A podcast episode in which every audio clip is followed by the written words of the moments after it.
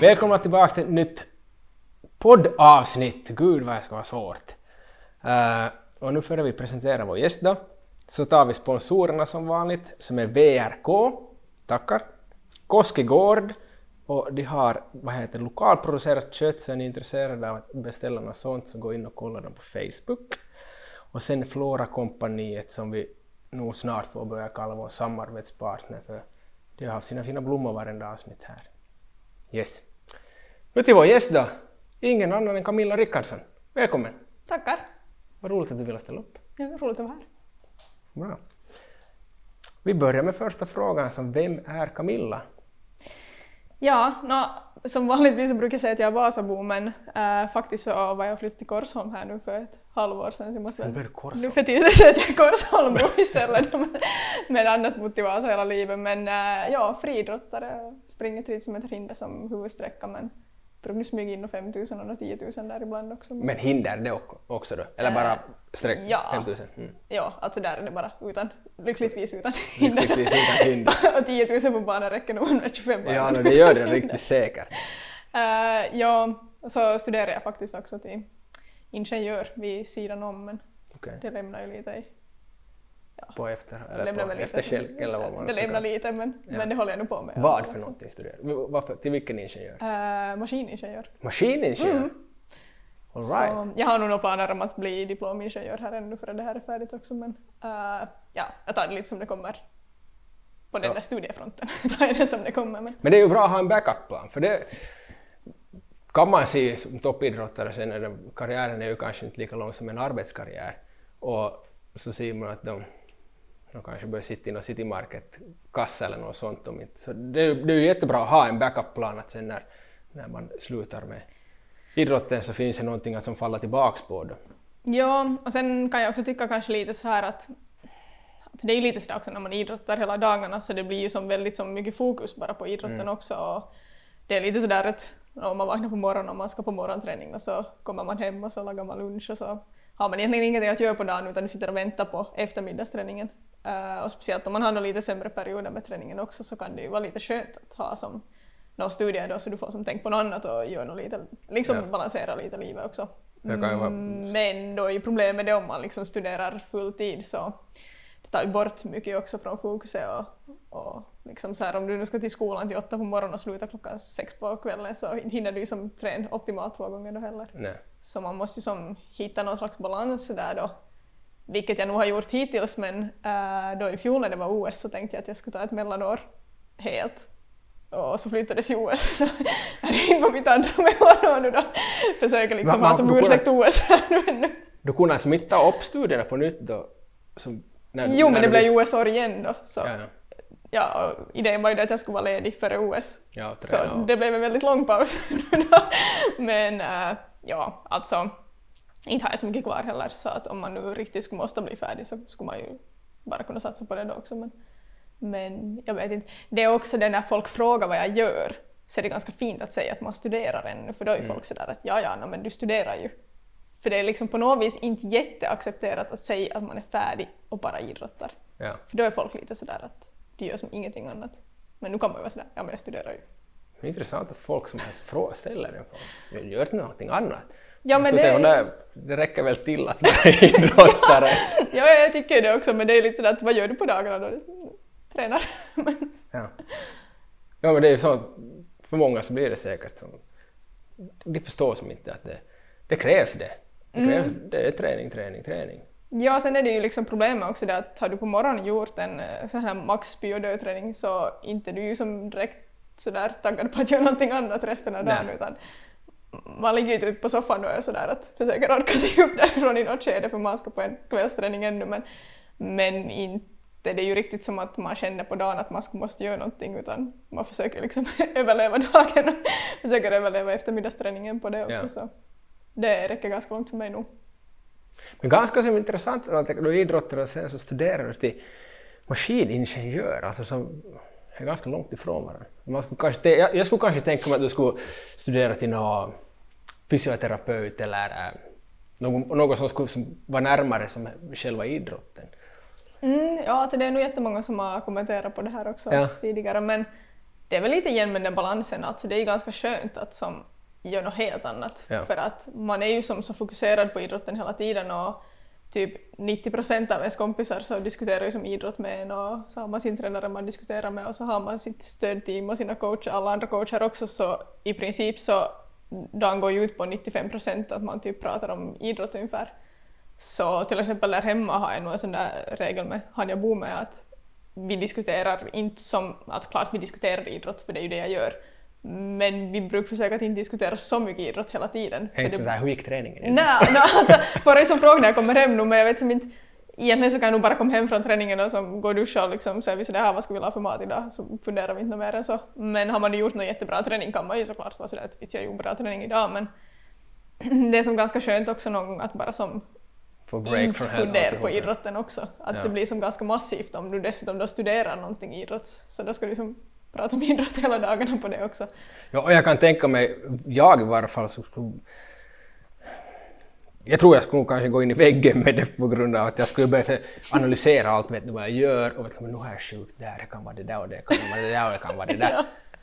Så ja, det är nog bra att inte jag är toppidrottare och jobbar med eller studerar till någonting inom idrott. Så, ja, nu när du förklarar det så får man bättre som förståelse. Det är bra att kanske få den kontrasten från, från idrotten med att göra någonting helt annat. Ja, men sen är det ju också sådär, nu börjar man ju ibland också fundera att man har ju ändå fått så pass mycket erfarenhet av allt möjligt så att på det viset skulle man ju kunna använda sin erfarenhet också till att faktiskt börja jobba inom idrott men ja, man får ju se. Sen inte det är säkert att man börjar jobba som ingenjör heller bara för att man studerar till det men att för tillfället så är det ganska skönt att liksom ha lite, lite helt olika världar också att luta tillbaka sig på. Och sen det är också lite det där att de man går med i skolan så är kanske inte så idrottsintresserade så man får liksom diskutera annat än idrott när man är i skolan. De är kanske inte som direkt sådär att ja, när är nästa tävling? För alltså ibland kan det också vara sådär att man får lite som ångest också alltid när man träffar människor och alla är sådär när är nästa tävling och vet du som hur är formen och hur är benen och så är man bara sådär åh. Extra mycket Alltså, press det på går ju jättebra om du är i bra form och du liksom vet att nästa tävling så kommer du prestera bra på, då är det ju inte ett problem. Men har man lite sådär tveksam form så då blir det väldigt jobbigt. Ja. Nästa tävlingar, alltså du har ju du har gjort OS visst? Men, Du har inte gjort det, men VM har du gjort. eh, VM har jag gjort tre gånger. Så det här blir första OS nu då. Mm. Och vi pratade ju här lite tidigare om hu- hur man slipper med i ett OS. Så du sa att det var en rankinglista nu då. Mycket på grund av coronan då. Nej, alltså de böt faktiskt det här de systemet okej. nu då till Tokyo. Uh, så det var lite sådär att OS i Rio då, 2016 så var gränsen 9.45 och jag sprang 9.45,5. Aj, jag missade lite, det är sådär hårfint. Har inte tagit bort den. Nej, jag, jag, tycker samma också, men det var lite sådär hårfin miss på det då. Eh, och just där 9.45 brukar vara gränsen på hinder alltid, men nu har de då höjt gränsen till 9.30 så att egentligen bara de här riktiga topparna ska ta sig dit då. Och resten då går in via ett rankingsystem. Eh, så ju bättre du springer ju mer poäng får du. Men du får också poäng för placeringar, så till exempel jag var då för två alltså nu är ju också grejen den att fjol, så, fjolsommarens eh, resultat så räknas inte alls med i den rankingen för, på grund av corona. Så det går liksom tillbaka två år nu de här poängerna. Så då sprang jag som ett Diamond League, så då fick jag också poäng för placeringen och för tiden. Så ju hårdare tävlingar du får spring, ju hårdare poäng får du. Ja. Så, därför räcker inte, ju... räcker inte bara med att ha den här tiden inom ramen eller inom gränserna. Nej, alltså min Om bästa... någon annan springer sen med tid, men alltså, hur ska jag formulera det här nu då? Alltså, tiden, om, om du springer inom den, vi säger du säger 9.33, Mm. men sen så gör du en massa tävlingar och får poäng, så lyfts du upp i den här ranken då. Så kan, kan det hända att om du springer på 9.33 och inte gör en tävling så kommer det finnas folk som springer långsammare än dig men har gjort fått mera poäng så slipper med på grund av det då. Att det är som tre bästa tävlingarna som räknas. Okej. ja, Uh, Men det, blir, det är lite konstigt det där poängsystemet för till exempel min bästa tid så är inte ens på topp tre av de tävlingarna. För att vissa tävlingar ger bättre som placeringspoäng. Så till exempel FM som var en hyfsad tävling för mig men långt ifrån min bästa så är den som ger mig mest poäng för att jag vann FM. Och från liksom, dina nationals så får du som så pass bra poäng som placeringspoäng. Så det är ju lite det där systemet också det att har du en sån manager så du tar dig på stora tävlingar så får du ju bättre poäng också. Mm. Så no, min manager fixade med mig på Diamond League nu, vilket var jättebra för mig för jag fick jättemycket poäng därifrån. Men nu fanns det ju andra flickor som egentligen springer hårdare än mig som inte fick en plats på Diamond League den dagen, som då tappade de poängerna. Ja, ja. Så ja, alltså vad är ett bra system och vad är inte ett bra system då? Det finns väl alltid negativa och positiva saker med hur de skulle, hurdant system de män skulle laga. Ja, och till exempel VM då för några år sedan så var det ju några sådana här tveksamma resultat som, eh, ja, som gjordes då dagen före sista, eh, sista entryn var då. Så det är väl sånt de vill försöka få bort också, att man inte ska på en liten byatävling då kunna springa som dagen före då, som sjuka hårda tider. Och sen när de kom på VM så var det ju som inte ens liksom nära på Nära, samma ja, prestationer ja. mer. Så de vill väl lite också hitta det där att man som faktiskt måste prestera då på tre tävlingar som bra tider eller bra resultat för att faktiskt få famen. Alltså det finns ju för och nackdelar med alla system men Ja, no, så är det. Och, men kommer det här rankingsystemet också... Det kommer ju där säkert då, loppen och sen kvartsfinaler och semifinaler, men påverkas de här tiderna någonting som när du springer där sen?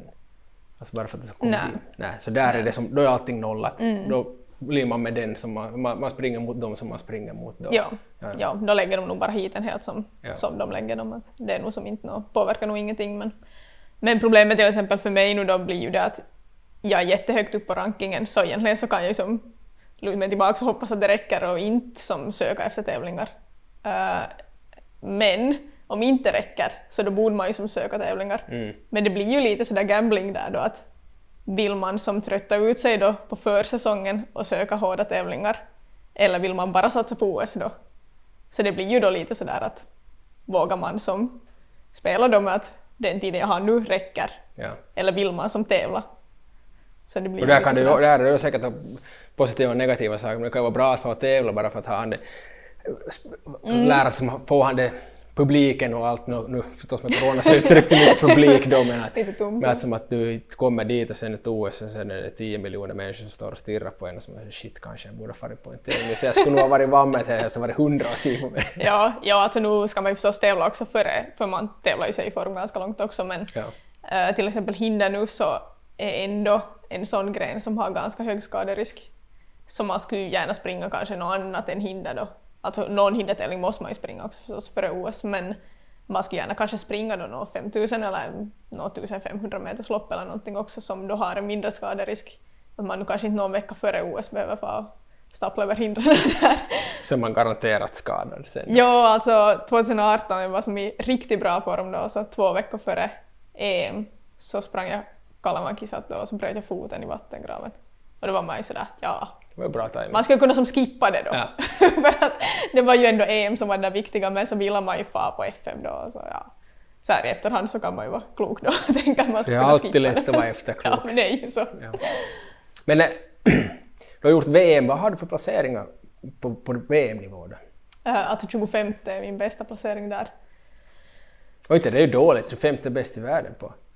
Ja, ja men då har man ju högre förhoppningar alltid när man far nu men eh, alltså jag, jag sprang mitt första VM när jag var väldigt ung så då var det ju som mer kanske en kul grej att man ens som tog sig dit för jag typ klarade gränsen då så här just och just ungefär så man var ju som helt amazed bara av att vara på plats då så då kanske man inte hade heller några så jättestora krav på sig själv för att det var ändå så att man just och just hade som kvalat dit överhuvudtaget. Uh, sen missade jag tyvärr det där EM då, när jag faktiskt var i bra form, för jag tänker som ändå, för mig till exempel nu så är kanske ett EM en roligare tävling än VM och OS. För att du vet att om du springer en väldigt bra tid på ett EM så då är du som, då är du som topp 6 med den kapaciteten jag har. Medan om jag skulle springa ett sjukt bra lopp på OS så då ska jag kanske ta mig till final. Så det är ju på ett vis lite antiklimax också när man inte är riktigt på den där nivån. Nej. Men å andra sidan så är man ju ändå på den nivån att man får vara med där och det är ju redan roligt. Och nu är det ju kul, för, för nu, minns jag som jag spelade fotboll, så nu var det ju alltid så tänk om man skulle få spela i landslaget, tänk om man skulle Mm. få spela ett VM och allt sådär. I varje fall när man var liten så hade man ju de här nivåerna som var sådär, hur dit skulle jag vilja slippa, det där skulle jag vilja göra. Ja. Så nu är det ju såklart, det, nu är det ju häftigt att få säga att jag har sprungit ett OS. Mm. Ja men det är det ju. Alltså. OS är ju nog någonting som är liksom... Alltså ett VM är ju sådär att de kommer ju ganska ofta. så det är kanske inte riktigt lika häftigt. Nej. Men ett OS är ju nog liksom the holy grail om du är som idrottare, så det är nog dit vart man vill ta sig. Och det är ju också det att det är som vart fjärde år så... Ja. Jag hinner, hinner, hinner ganska mycket saker på fyra år. Mm. Men alltså problemet just med det här som du sa också så är ju det att när man var yngre var man ju sådär att tänk om man skulle ta en FN-medalj, det skulle liksom vara en sån där Ja. sjuk grej. Och sen började man ta FN-medaljer och då blev det ju sådär att tänk om man skulle få vara i landslaget. Och så tog man sig till landslaget så blir det du flyttar ju hela tiden de där målen så i princip så blir du ju aldrig nöjd heller. Nej. Utan nu var det ju något skede som man var sådär att åh shit, att skulle man kvala till VM då skulle man nog som Vakova. Sen när man en gång for till VM var man ju sådär att ja, fast inte det är ju som nu måste man ju som ta sig till final nu om det ska räknas. Så det blir som hela tiden sådär att man blir som aldrig nöjd. Men det ger ju samtidigt ger dem en morot att fortsätta, men sen så är det kanske inte heller så coolt som man trodde att det var kanske. Eller som, Första är ju säkert coolt, men sen andra som okej, VM igen. Nå, Ja. Och sen är också grejen den att när man själv var yngre och som såg till exempel någon som sprang på VM och OS och sånt här, att man tyckte det var som jättehäftigt att sitta och se på det. Men man förstod ju som inte på något vis liksom vilket jobb som låg bakom det heller, utan Nej. man tänkte ju sådär att ja men att de är ju där och springer hårt, att det har nu som råkat sig lite sådär. Sprungit en bra tävling Ja, sen slapp de dit. exakt! Lite såhär, men alltså nu har de ju tränat nog, men att de har nu som tagit sig dit nu då, där springer de hårt nu. Men eh, nu har man ju kanske också sett lite baksidan av idrotten ju mer rutinerad man har blivit och ju äldre man har blivit också, så det är ju väl, alltså det är ju sjukt hårt jobb för de där tio minuterna. Alltså du jobbar ju som stenhårt liksom 10-15 år för att shina de, de där tio minuterna på den där ena dagen. Och då är det sådär att, åh, jaha, jag hade en dålig dag. lite sådär. Jag sov dåligt i natt. Att alltså, Damn! exakt. Så ja. Mm. Nej, men alltså man skulle kanske också i något skede måste vara lite som kanske stanna upp också och vara som mer nöjd över vad man har åstadkommit men det är ju väldigt svårt när man är i det. Att det är kanske lättare sen att se Ja, det är väl så framtiden, de liksom. flesta gör också. Det är Ja. först efteråt. Mattias sa det ju också när vi hann han, att han nu efteråt så, så är det som allt vad man har gjort så det är ju, då var det ju bara mata på och Ja. försöka bli bäst. Men efteråt så ser man först att hej shit, jag har ju gjort någonting fruktansvärt bra. Ja, Jag har ju kommit långt. ja och det är Man just hinner det som där. inte se den där, att vad man egentligen gör utan det är hela tiden bara han liksom pressar på, när man pressar sig själv att Mm. bara bli bättre, bättre och bättre och, och glömmer bort det där att, att se, se vad jag åstadkommit. Ja, och sen blir det också mer sådär att till exempel nu med OS, att jag känner som inte sådär att att okej, alltså det är jättehäftigt om man tar sig dit men det blir mer en sån där grej att klart att jag måste ta mig dit. Att det blir som en sån där att, att inte ser jag skit om inte jag slipper dit i år. Alltså, lite mer en sån känsla än det att man är så väldigt stolt om man en gång tar sig dit. Ja. För sen när man tar sig dit så då blir det mer sådär, ja men det är klart jag skulle ta mig hit, för det var ju det som var målet. Och då blir man sjukt besviken om man inte tar sig dit, men man blir som inte kanske så galet nöjd som man skulle vilja bli när man Ja. tar sig dit. när man lagar det låta bättre än vad det kanske är då. eller Ja, så nej, får, man får lite bilda så. en bild som är bättre än vad det sen sist och slutligen är. Då. Ja. Ja. Och sen är det ju också det som, i det här skedet som nu när det är länge dit så kan man sitta och tänka att ja men nu är det som häftigt redan om man tar sig dit. Sen ju närmare man kommer, ju mer blir det ju sådär att nå, om man en gång far på OS, nu saken ska man ju vara i skick då. Alltså inte vill man ju fara på OS om inte man är i form. Då blir det ju sådär att nu skulle man ju måste ta sig till final för att det ska som, räknas som ett lyckat OS. Ja. Så det blir ju sådär, ju närmare man kommer ju mer press sätter man ju på sig själv också att man faktiskt liksom vill prestera. För det är ju också som, som de så fint skriver att ibland att de skickar en massa kissaturister dit. Men alltså det är ju lite det där att inte det är ju någon idrottare som vill fara på ett OS och underprestera inte. Nej, det är ju självklart. Alla far väl dit för att vinna. Det är ju, Ja, alltså inte det är ju någon som far dit och sådär ja men alltså om jag kommer i mål är det ju bra. Ja. Alltså det är ju ingen som tänker så. Nej. Men det är också omöjligt att skicka ett helt landslag och att alla skulle lyckas den där dagen. Alltså det är ju helt omöjligt. Ja. Så vissa lyckas ju och vissa lyckas inte, men man ska ju som... Ja, alltså... Man kan ju inte göra något mer själv heller än att liksom göra allt vad man kan för att lyckas på den dagen. Men fast du gör allt vad du kan och fast du tränar så bra som du kan och du har uppladdning så bra som bara möjligt så kan du ändå ha en dålig dag den dagen. Och det är ju liksom en sak man måste acceptera också men, men det, är ju, alltså det är ju hårt. No, med tanke liksom på hur mycket man lägger ner på det. Ja. Ja, det är säkert. blir man ju väl lämnar ifrågasätta att vad sysslar jag med på dagarna egentligen. men, men, ja. men hittills så tänker jag väl nog fortsätta syssla med det här en stund till. Men... Vi hoppas på ett OS-guld. Ja, alltså. Nej, men alltså, ja. Det skulle vara otroligt fint. får nog springa hårt då, ja. Men nu, om vi går över lite på träningen din. Du sa ju redan att du har morgon och kvällspass. Om du, om du förklarar lite hur du tränar. Du säkert per, periodiserar du också träningen, att du tränar på olika sätt under säsongen Mm. och inte bara springer och hoppar över hinder då, utan gör någonting annat också. Men om vi, om, om vi, om vi börjar med off-season. Hur ser din off-season ut? Alltså, hur hur jag- tränar du när inte det är som säsong? Ja, alltså det är som inte jätte rocket science det här vi håller på med heller, så i princip så tränar jag nog sådär året om ganska liknande. Eller klart att som sommaren är ju helt annorlunda och våren är ju som mer intensitet och så här, men i princip hela typ hösten och vintern så tränar jag nog som likadant att no, alltså det är sådär måndag dubbellänk och ja, lite så här rullare och sån här 100 meter och häckar och koordinationer och sånt här. Och sen på tisdagarna så brukar vi köra en hård tia. Det är liksom inte så här all out tia utan det är som bara att springa hårt. Så för mig är det typ 3.30 per kilometer fart ungefär. Så en 35, någonting sånt här. Alltså sådär så det känns sådär avslappnat. Avslappnat, ja. Men ändå att man måste ju springa för den farten. Ja. Sen onsdagen springer man några gånger. Och, ja, torsdag brukar vi göra lite så här snabbhet, som till exempel för mig snabbhet som är 200 meters drag då. Och sen fredag igen springer man två gånger. Uh, lördag brukar vi köra hårda 1000 meter till exempel, 8 gånger 1000 eller nå.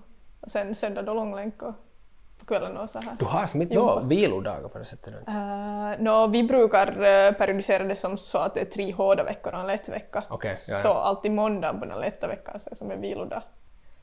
Så är en gång i månaden då typ ungefär. Förstås om det kommer något, om man blir sjuk eller något så Ja. måste man ju slänga in dem. Men, men alltså, ja. Jag springer ju typ så här en 20 kilometer per dag. 20-25. Som i medeltal. Jag har sprungit en gång i mitt liv, tror jag, 10 kilometer. Så. Men jag måste faktiskt säga alltså, det är nog väldigt som så här en sak man blir van med. Ja, och det märkte jag, för, för vi, vi tränade till, till Tafest, som blev ju ganska stor. Och de har ju här till exempel i Vörå nu också. Men det var före det kom till Finland, så vi var till Umeå och sprang det. Och då måste vi, måste vi träna förstås kondition då för att orka springa de åtta kilometer. Då hade vi ki- vi springer tio, så då klarar man ju åtta då i alla fall. Jag Ja. sprang en gång. Så jag sprang åtta efter det. Och sen var jag så att jag springer aldrig mer än tio i mitt liv.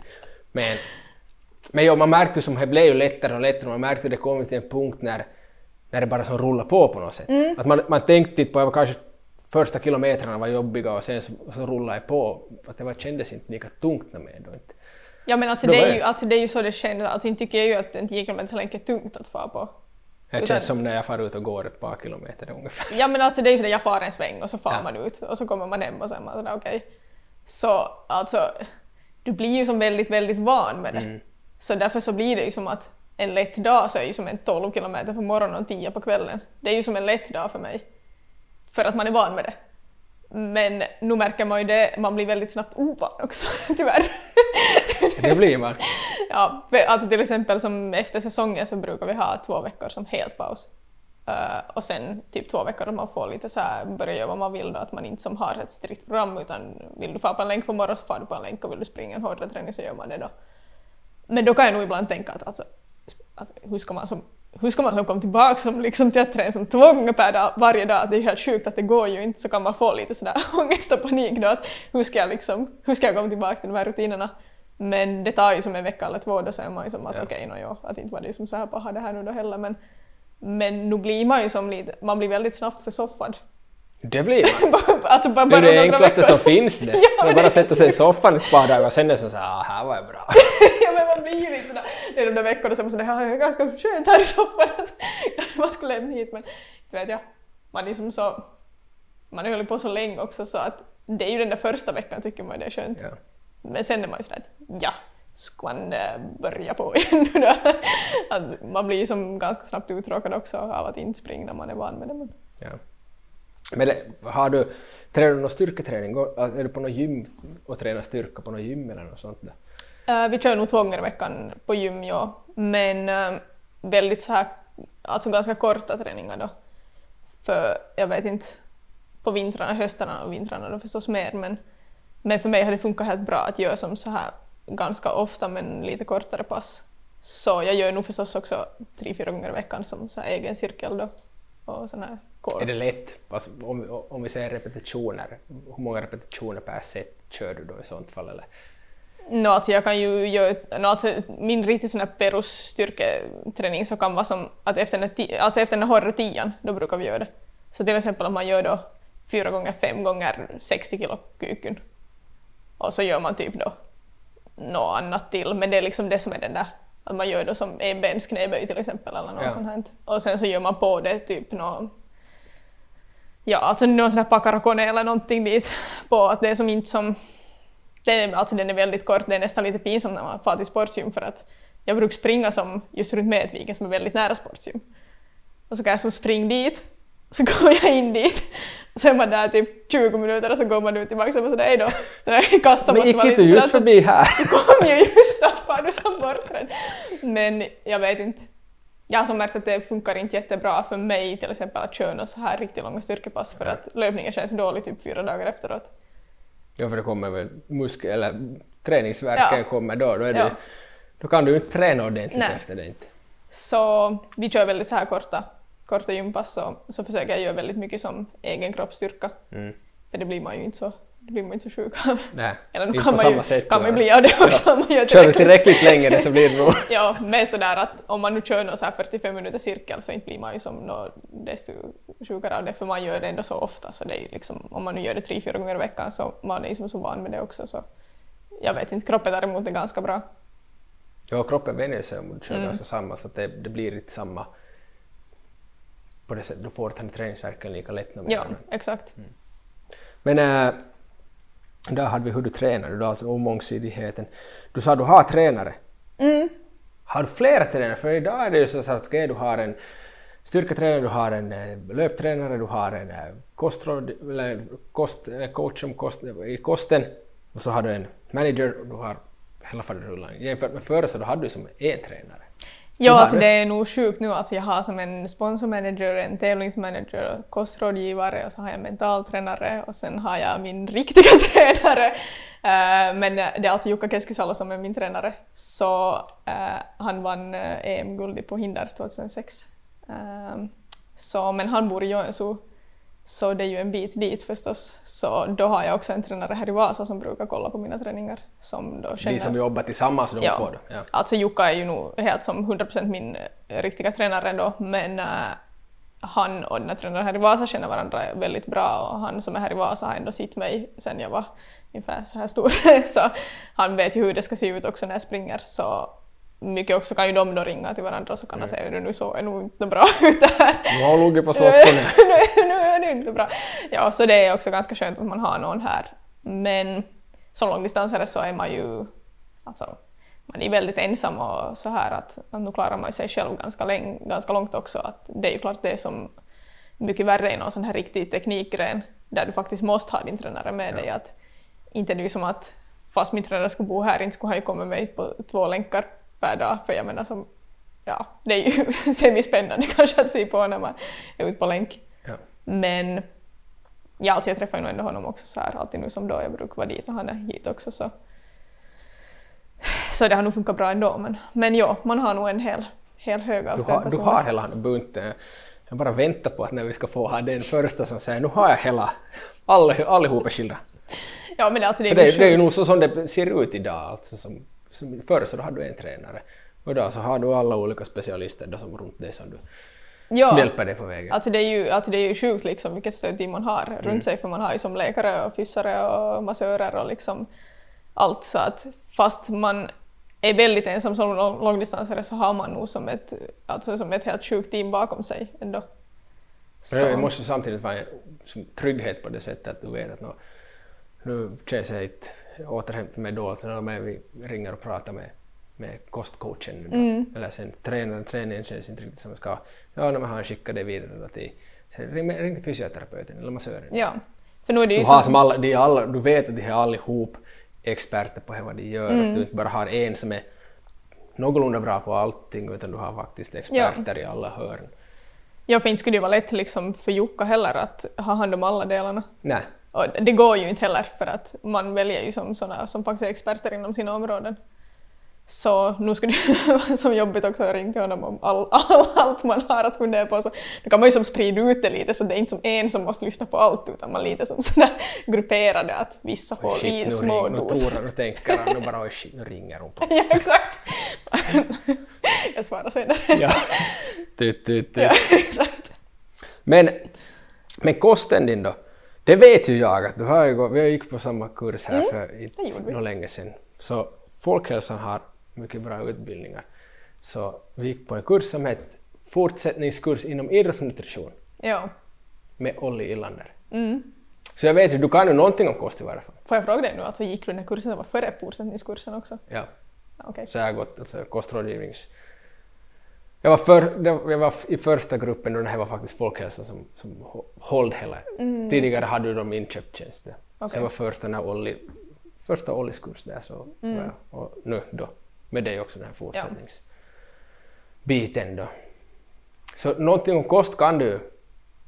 Ja, ja, alltså jag tycker ju att kost, eh, kosten är väldigt intressant och den har ju som en mycket större roll än vad man kanske förstod när man var yngre också. Mm. Så därför, så, fast jag har en gossrådgivare, så vill man ju såklart också själv veta någonting. Att det är lite som det är lite som med till exempel sen ens fyssare, alltså det är ju också pinsamt hur dåligt man kan sånt. Så jag har nog funderat om man ska gå några sådana kurser också för att liksom, man litar ju som inte bara på fyssaren, ja men han har koll på det där, men alltså man skulle kunna själv också ha någon koll. Och då konstaterar jag det är samma med kosten också, det är ju väldigt dumt att liksom lita bara på sin kostrådgivare då, att man skulle kanske kunna som, det skulle vara bra om man skulle kunna någonting själv också så Ja. man har lite koll själv också på vad det är man sysslar med.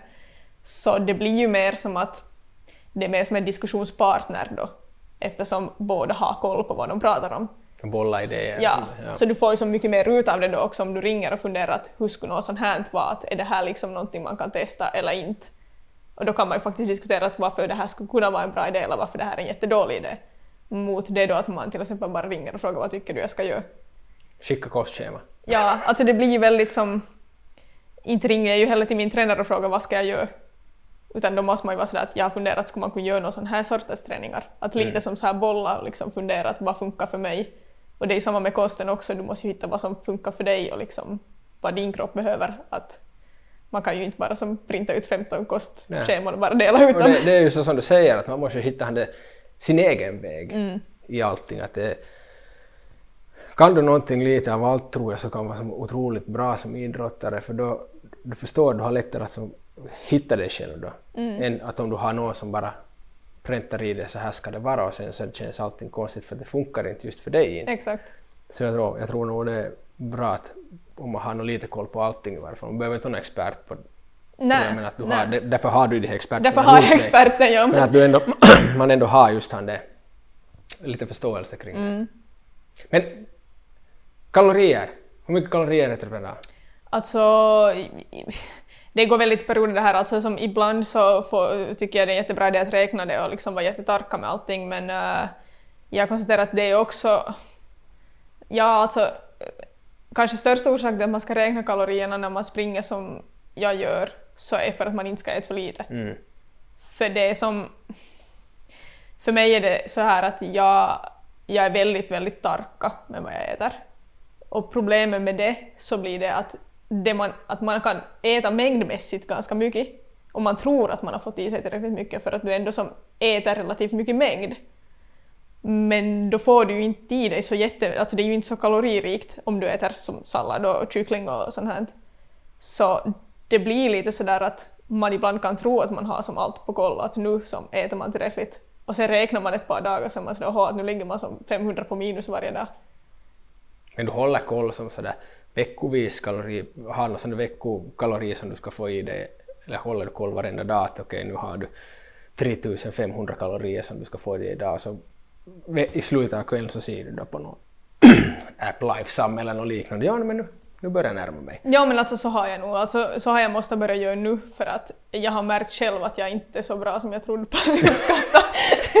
alltså det är faktiskt jättesvårt att uppskatta, alltså som åt båda hållen. Jag tänker som också för alltså, icke-idrottare så tror jag också ibland kan tro att man äter mindre än vad man gör för mm. att det är mer kalorier i saker än vad man tror. Och också idrottare kan ha andra vägen, att de tror de får i sig tillräckligt mycket men vissa saker innehåller kanske mindre än vad man tror. Då igen. Och sen är det också det att man har liksom så sjukt hög förbränning också om du springer 150 kilometer i veckan. Alltså, ja, så det ska det vara ju... mat, mat där Ja, det ska ju vara det. Så ja, alltså det är ju väldigt svårt att hitta en balans där också för att som långdistansare det ju lite så här, men tyvärr så har du också fördel av att vara lite lättare. Så till exempel som på vårarna då så vill man kanske dra ner lite på vikten så att man ska komma i som riktigt bra tävlingsform. Mm. Men det är ju en väldigt stor risk att göra det också för att då drar du troligtvis ner på kolhydratsintaget och kolhydraterna är ju det du behöver för att springa. Ja. Så mitt i allt så kan du gå för att vara i jättebra form och så drar du ner vikten lite för mycket, tar bort lite för mycket kolhydrater och så känns det bara skit på alla träningar. Du gör som inga bra träningar igen. Så då måste vi vara tarka där då, att då måste vi kanske börja äta mer kolhydrater igen och se att svara träningarna bättre då igen. Så då blir det lite det där att är det värt att dra ner vikten för säsongen om det börjar kännas dåligt i spring? Eller skulle det då vara bättre att väga en eller två kilo mer på sommaren och det känns bra? Märker du, för du har ju säkert gjort testat båda två, jo. Att, och märker du större skillnad i resultaten med det? Att väger du två kilo mindre i en tävling, klart där dagarna spelar ju roll hur du har sovit och allt, hur träningen gått och så är det så svårt men att, att kunna säga exakt, men, att, men du märker skillnad då mellan att när du är två kilo lättare eller väger då två mer än vad du brukar göra. Alltså tyvärr så märker man ju skillnad, men den där effekten är väldigt kortvarig. Alltså om du har en jätteviktig tävling, men då igen kommer man in på det där att det är väldigt riskabelt då att liksom mm. några veckor före OS börja som ta ner vikten för att då kan det ju som börja kännas dåligt för det också. Men om man som får det riktigt optimalt så att du faktiskt är då i den där, vad man nu anser att är sin tävlingsvikt just på den dagen, så kan man prestera jättebra och det kan kännas lättare. Men det går ju inte en hel sommar att göra det. Nej. Utan det är ju i så fall som att till just några veckor går det. Men sen måste du dra upp det till baskaloriintaget för att annars så, alltså det, det, går upp väldigt snabbt men det går ner lika snabbt tillbaks. Mm. Så om man inte då ökar kaloriintaget igen så då far det nog dit och så springer man inte med den sommaren. Så det är ju som väldigt känsligt. Är det. Ja, men Ja, kosten är ju som sagt, enligt min åsikt så är det nog det som går före träningen nästan. Att om, inte, om du heter helt skogen så då gör du nog inte heller något resultat. Inte. Nej, att det gör man ju du, absolut inte. Kosten är så otroligt viktig där att du faktiskt får i dig det vad du behöver mm. för att gå framåt. Mm. Så ja. Och sen är ju också grejen den att till exempel på somrarna när man drar upp intensiteten väldigt mycket på träningarna så märker jag också att man som man tappar lite vikt av det också fast man som äter som normalt för att det är som så hård intensitet och som så hård påfrestning på kroppen och så här. Så egentligen så skulle man kanske inte alls behöva göra några förändringar i kosten utan det brukar också tippa av sig själv lite. Ja. Men, men jag vet inte, ibland får man ju bara att dra ner lite för att man är sådär kan nog lite beachform Förra gången jag sprang BB så vägde en halv kilo mindre och så är det som... Ja. Alltså det är ju väldigt känsligt det där liksom som långdistansare också för att du kan ju inte väga hur lite som helst heller för att Nej. då går det inte bra på, på tävlingarna heller. Men, men ja, alltså det är ju väldigt svårt. Så därför så har jag kostrådgivare. Och därför har jag också börjat så studera lite själv också så man ska som, ha lite bättre koll på liksom Alltså, du kan ju inte bara kasta in i det där och vara sådär att ja, men om jag typ slutar äta ris nu så går jag ner i vikt. Alltså så funkar det ju inte. Nej. Så du måste ju som hitta den där balansen att hur kan man i så fall, om det behövs ens, hur får man bort en kilo eller två då? På ett vettigt sätt och ändå bibehålla prestationsförmågan. Ja, ja nu ett pusslande. Så säkert har det som blivit lättare med årens gång när du har just börjat lära känna kroppen och mm. vet att, okay, men att det här funkar förra gången. Att jag tog bort lite av morgongröten där så ja. då, då funkar det bättre. Att det är nog där i början att försöka hitta det där flowet. Så, men så här funkar min kropp. Så här ska jag göra för om jag ska ner två kilo. Ja, och det är ju ingenting man ska leka med heller kanske själv. Utan jag skulle nog rekommendera om man skulle skaffa sig just någon kostrådgivare om man ska börja på med sånt där för att nu har man ju något provat liksom på själv också, det har ju inte blivit någonting. Så att ja, man ska nog absolut. Men där ser man ju som också överlag, alltså, ursäkta, i dagens läge som är uh, hur alla möjliga coacher som kommit, kommit upp, alltså hur, de har, hur mycket mer folk som börjar använda sådana. Att förr så läste ju äldre damer och gubbar i Allerstidningen hur man skulle äta för att man ska gå ner 10 kilo på två veckor. Och det vet ju alla som förstår sig att 10 kilo går du ner på två veckor med att inte äta någonting och något mm. sånt. Så att mer och mer som börjar dra sig faktiskt till de här som kan ja. och vet hur de ska ja. göra. För tyvärr lite de där kostuppläggen som finns i alla tidningar så funkar inte. Nej. Så vad heter det, det är nog bra att ta en kostrådgivare. Ja, Ingen ja. reklam att jag är kostrådgivare. Exakt. Nej men alltså jag, jag håller nog med, man ska nog, jag vet inte, åtminstone i början. Ja, för det handlar ju oftast om när, om vi går över nu mitt i allt, vi hoppar över till, till, till viktminskning, så handlar, handlar det ju om att göra en livsstilsförändring, inte att gå ner i vikt. Mm. För att du vill ju fortfarande efter två månader antingen gå ner ännu mer för du har inte kommit till ditt mål, eller sen hålla vikten. Ja. Och det är ju det som inte brukar funka med de här inte något dåligt om att bli allers här i domen att, att det funkar inte. Det är oftast du, du dippar ner och sen går du upp och oftast går du mer. Men det blir jojo-bantning. Ja, och ja. det är ju värre än att vara överviktig sen det att, att, ja. att jojo-banta. Oftast går du som sagt högre, du blir, går upp ännu mer och du kommer mm. upp tillbaka sen så att det är som inte är det smartaste hälsomässigt. Sen. Nej, jag kan, jag kan tänka mig att det inte är något bra för kroppen. Den Nej. Så som du sa där, att det funkar ett par veckor att mm. gå ner i det, men sen måste tillbaks dit. Ja. Att det är inte hälsosamt. Samma sak som jojobantningen är inte hälsosamt att mm. ja. hålla på och hoppa av och där inte. Ja, nej, alltså så är det. Men kosttillskott då? Hur är det på den fronten? Använder du något kosttillskott eller är det bara real food? Alltså väldigt lite kosttillskott. Alltså, no, alltså D-vitamin tar man på vintern. Men, det, ska, det ska alla ta? Ja, det är väl det är typ det jag tar. Men äh, alltså något järn också, om man nu är och mäter ferritinvärdena och de är låga så kan man ju ta en någon lite kortare kur av järn också. Men jag vet jag har inte som på det viset sett att jag skulle behöva heller. Ja. För vi mäter ju nog alla sina blodvärden alltid nu som då, de brukar alltid vara jättebra. Så jag, som, alltså, jag har ingenting emot dem heller, alltså, om man vill ta kosttillskott så absolut, men jag försöker nog äta bara så mångsidigt som möjligt så att man ska få i sig och det blev vi ju lärda på kursen, att food first. Exakt. Men det är den där D-vitaminen ja. Och den, är, den är ju godkänd, den får man ja, ta till. Att det är väl i princip den bara som jag brukar som hålla med hela tiden. Men då vet du, du har ju sponsorer. Ja. Vita, vad heter det? Vita... Vitaminvel. Ja, och så och Barbell. Ja. Äter du det då?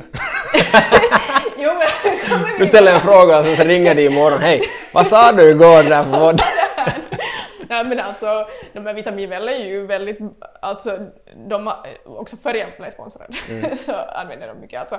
Men det är ju mer för det att jag, jag blir jätteuttråkad av att dricka vatten bara. Alltså jag vet inte, jag har aldrig tyckt om att dricka bara vatten. För ja. man dricker så mycket per dag också. Så det är ju kul att dricka någonting annat än vatten också. Jag vet inte om jag sådär, nu kan säga som är helt ärligt jag dricker dem för vitaminernas skull, jag dricker dem efter jag tycker de är goda. För smakens skull. Exakt. Och just de här Bearbells-produkterna så, alltså man reser ju som galet mycket när man håller på med det. och det är ju där vad kosttillskotten kommer till. Mm. Alltså de ska ju inte ta bort en måltid Nej. utan de ska vara där när det går att använda Men det är ju just det, alltså vet du, du flyger och du reser, mm. du sitter på tåg och det är som man har som långt hem från någon träning eller något, då är de ju helt guld att ha med sig för att de står ju sig. Alltså ja. det är ju som värst om man ska ha något som måste vara som kylskåpskallt. Men de där, alltså jag har ju dem, alltså jag har dem i alla väskor. Alltså träningsväskan och reseväskan och liksom, de finns ju överallt. Ja, då blir det inte som en banan att sen när man på vägen hem från ett träningsläger, shit jag har bara den där svarta bananen nu där i väskan. ja det värsta är ju när man öppnar den sen, det har varit en banan här, det luktar ja. Så på det viset så till det använder jag dem. Men det är ju mm. inte som att jag är sådär att om jag ska äta ett mellanmål kanske jag inte väljer den. Men det är mer det där att om det inte finns som, om, alltså om du snabbt bara ska få i dig någonting så alltså då är de ju jättebra. Mm. Så det är väl mer som till sånt som jag använder dem då. Men det är som egentligen enda tillskotten som du äter förutom D-vitamin. Eller tillskott, man kan ju inte kalla det tillskott, det kosttillskott. Ja, alltså det är ju, jag vet inte, alltså det är ju en smaksak liksom vilken väg man vill gå men jag har nu som inte någon gång som sett något behov av det heller så ja, jag vet inte, att du har andra åsikter om det? Nej, nej, för jag håller nog, som jag sa, food first, det håller jag Mm. nog. Att det är nog... Klart att de har sin del Mm. i kakan, kosttillskotten och sånt och i varje fall om du ska nå, se du ska inom någon fitnessgren och nå in, ner i maten ska pressas ner och fettprocenten ner så där kommer de i varje fall till Mm. förfogande att du får i dig allt som du behöver per dag. Men sen igen så är det ju nog, äter du bra så då, då ska du inte behöva dem. Ja, alltså du, det du får ju det allt via maten också. egentligen. Så har vi ju fått i tusentals år, om inte miljontals år. Ja. Och vi har fått allting via maten så det, be- de behövs ju inte. Nej, och sen tycker jag alltid det är ganska sjukt som när man skickar in just någon sån här kostdagbok då så kommer det som alltid tillbaka att man typ äter för mycket protein. Fast jag inte ens som äter något tillskott av protein och inte jag som nu någon så här att jag äter sjukt mycket kött heller. Men alltså det kommer ju som från allt, alltså det kommer från mjölkprodukter och liksom allting. Så på något vis så får jag ändå i mig för mycket protein. För mycket, okej alltså det är som, men alltså sådär att om man ska välja så kanske man hellre skulle öka då kolhydratsintaget och dra ner lite på proteinintaget fast jag inte ens äter något extra protein. Du lägger inte koncentration på att få i dig tillräckligt med protein utan det är mer kolhydraterna som du koncentrerar Ja. dig på. Då. Så därför är jag sådär, därför säger jag som inte varför jag till exempel skulle äta som proteintillskott eftersom jag nu redan från kosten får i mig tillräckligt av det. Ja, det kommer ju som det kommer ju lätt via mjölkprodukterna. Ja. Alltså, bara mjölkglas per dag så då får du upp bara Ja. proteintillskottet ganska redigt då. Ja. Plus äter du kött och sen och ja, äter du vegetariskt eller något sånt så får du ju nog också där via. Mm. Att nu är det nu kommer man upp i det vegetariska delen också nu men det kanske att man kräver att man äter lite mer mat då Ja, för att få upp snabbare upp det där Mm. Eller gå upp i samma mängd ska vi säga. ja. Alltså nu kan jag också, just om man får på något så här läger, alltså vi brukar vara i Sydafrika typ på vintrarna, alltså det är ju jättevarmt där, så då kan man ju som nog ta liksom nå Alltså nå dricka med kolhydrater i, så man nu får i sig något socker till exempel om du springer en långlänk eller något sånt här. Så nå såna kan jag nog också ta någon gång just om man har några längre träningar för att man nu inte ska dippa helt. Ja. Men, men det är nog mer så här att om man gör några riktigt långa, långa pass så kan man ta några sådana tillskott också. Ja, så kan det finnas som fördel att dricka där hundra så då har du redan lite igång här nu återhämtningsprocessen sen att det finns Ja. något att börja ta så att det är som snabbt, snabbt, var, var maten, var, var Exakt, risen nu? exakt. Man sitter och kastar Ja. i sig då, utan det finns redan en liten grund där i. Ja. Och sen kan man ju nog just om man springer någon långlänk, att man kan bli ganska så här tom i benen också. Så för det är det ju också, man kan ju få lite sån här boost också om man Ja. just dricker någonting som har lite socker i. Ja, så nu, finns, nu, nu används det ju all, alltid på alla långdistanser så finns Ja. det finns det sådana sockerpreparat eller Ja. vad man sådana gelerna då, så att, Ja. Men de brukar nog försöka just satsa på här som faktiskt har riktigt socker i, för jag tycker sån här, alltså om man dricker någonting med sötningsmedel i när man springer en långlänk så kan nog som, nog som må dåligt mot slutet. Ja, det är ju lite det sötningsmedel många... Om jag nu har det på klara nu då, så sötningsmedel så kroppen kan ju inte bryta ner dem på. Mm. Så att det blir som till luft. Mm. Så då får du lite extra gas då, så då börjar det gå hårt. blir hårda sista kilometrarna. ja, men det är ju många som reagerar på det sättet. Ja. Så får magen. Ja. Sen, så nu är frågan där då att vad är, vad är, vad heter det, vad är bättre? Riktigt socker eller sötningsmedel? Mm. Men det där är också en sån sak som om man far till exempel på maraton så kan man ju prova för det. Vad som passar för en. Nej. Skulle inte rekommendera att testa något nytt, nytt Nej, vi ska testa det här sötningsmedlet och se Ja, det testa det, smakar gott. Nej men just att man testar det på förhand så då man ju sen när man hittar det ena som funkar så kör man på det hela tiden Ja, det är det säkraste. Ja. Du vet att det funkar då. Ja. Och sen slutar de tillverka det. Ja. Så man shit, nu måste jag börja hitta nytt. Exakt. Men hur är det med återhämtningen? Alltså, det, det är det som jag reagerar på när du sa att du tränar så där pass mycket. Att när hinner du återhämta dig? Förstås du sover ju. och det är, och det är ju bästa återhämtning. Men Mm. att, att jag skulle ha föreställt mig att du hade mera vilodagar med tanke på återhämtningen. Men det är ju förstås individuellt där också hur snabbt man återhämtar Mm. Ja, men alltså där kommer man ju än in på det där då att skulle jag till exempel ha ett jobb nu då eller studera fulltid så då skulle ju återhämtningen lida. Men eh, nu är det ju i princip så att jag, alltså, jag gör ju ingenting annat nu på dagarna då än att jag som springer och vilar däremellan.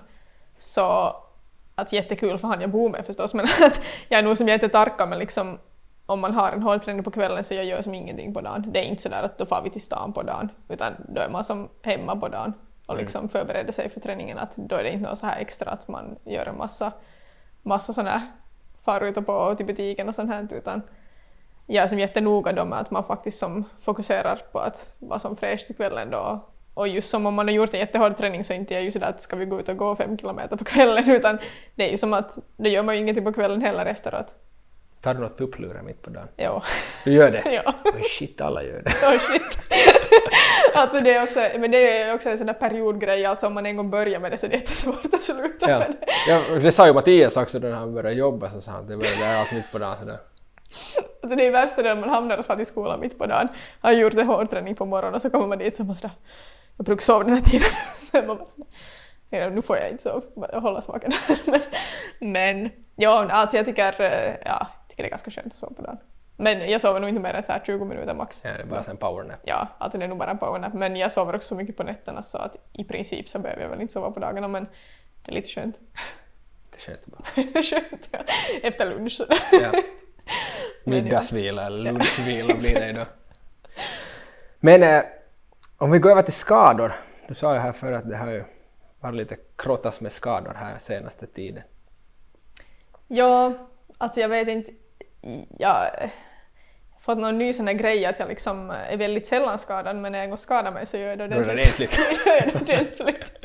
Alltså jag har egentligen haft som tre skador hela mitt liv. Alltså jag bröt foten 2018 och då hade jag liksom en fyra månaders paus. Att det var som två månader på kryckor då. Det var jättetrevligt. Kunde som inte göra typ någonting. Det är som Pittrar i runt på fingrarna, när får jag få spring, när får jag få spring. Ja, att just här att hoppa runt på kryckor och dessutom det är som helt liksom att man kan ju inte leva ett normalt liv heller när man har kryckor för att Nej. du kan ju som inte ens fara till butiken för du kan som inte hålla i en korg typ. Så det hade jag då liksom fyra månader helt bort från löpningen. Eh, och nu i höstas så opererade jag båda baklåren för hamstringsyndrom. Båda. Jo, det var riktigt guld de där första veckorna. När man, alltså man får som inte sitta efter en sån operation heller. Överhuvudtaget i två veckor. Men du får ligga. Mm, Man får ligga och stå. Vad bra, jag tänkte jobbigt annars tror man får stå.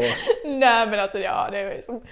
Ja, så hade jag som en åtta veckors paus från löpningen på grund av det då. Så ändå relativt kort med tanke på att man ändå har opererat båda baklåren men man får ju förstås göra alternativt. Så jag har gjort helt galet mycket alternativa träningar. Ja. Stamkund på simhallen. Men sen började jag springa igen då. Jag hade väl hunnit springa så här två, tre veckor Äh, de här värsta veckorna när man börjar komma tillbaka så allting känns dåligt. Hade man så här just hittat någon lite flow i alla fall så fick jag en ansträngningsfraktur i skenbenet. Uh, och dit for som igen åtta veckor då. Lite kryckor igen. Uh, men det var ganska hårt slag faktiskt för att just när man förberedde sig till OS så jag, jag fick ju börja springa i december så jag tänkte att december till augusti så är ju som ingen panik. Att det är ju liksom, det är ju helt lugnt. Men nu blev det ju så att jag började springa i mars istället och har haft ett halvt års löppaus typ. Så nu är det ju lite mer panik med tanke på OS. Men äh, att jag är nog tränad som en galning liksom alternativt. Att det har ju nog varit som, jag är nog tränat som mängdmässigt säkert nästan tio timmar mer i veckan än vad jag brukar göra. Som skida och simma och cykla och liksom allt sånt här. Och jättemycket gymträningar och väldigt mycket styrka och sånt här. Och jag har märkt nu när jag börjar springa att man har väldigt mycket styrka och som så här. Så det behöver inte bara vara en dålig sak heller, så här skador, att man, eh, man får ju som satsa på sådana saker som man inte kan satsa på medan man springer. Så man lär sig från alla skador också, men uh, otippat bra form nog för tillfället fast jag inte har sprungit ens så jättemycket. Så. No, men du har haft en hel del skador nu då. Men hur är formen nu inför för OS då? Ja, alltså den är som otippat bra nu redan och man har ju som viktigaste träningsmånaderna här framför sig så att tror nog, tror nog man kommer vara i skick till det här nu. Så vi, blir det där gulden nu då. Ja, jag tror jag ska behöva några mer år för det. Men, men, men ja, alltså ja, nej, jag tror nog att jag kan prestera på en riktigt bra nivå där faktiskt. Vi kommer se och hålla tummarna för dig sen när det är dags då. Men jag får tacka dig för att du ville ställa upp. Ja, alltså det var jättekul. Och som jag sa redan i Ainos avsnitt så kommer det kom någonting ännu med Camilla men det avslöjar inte vi ännu inte, det här kommer får ni se sen.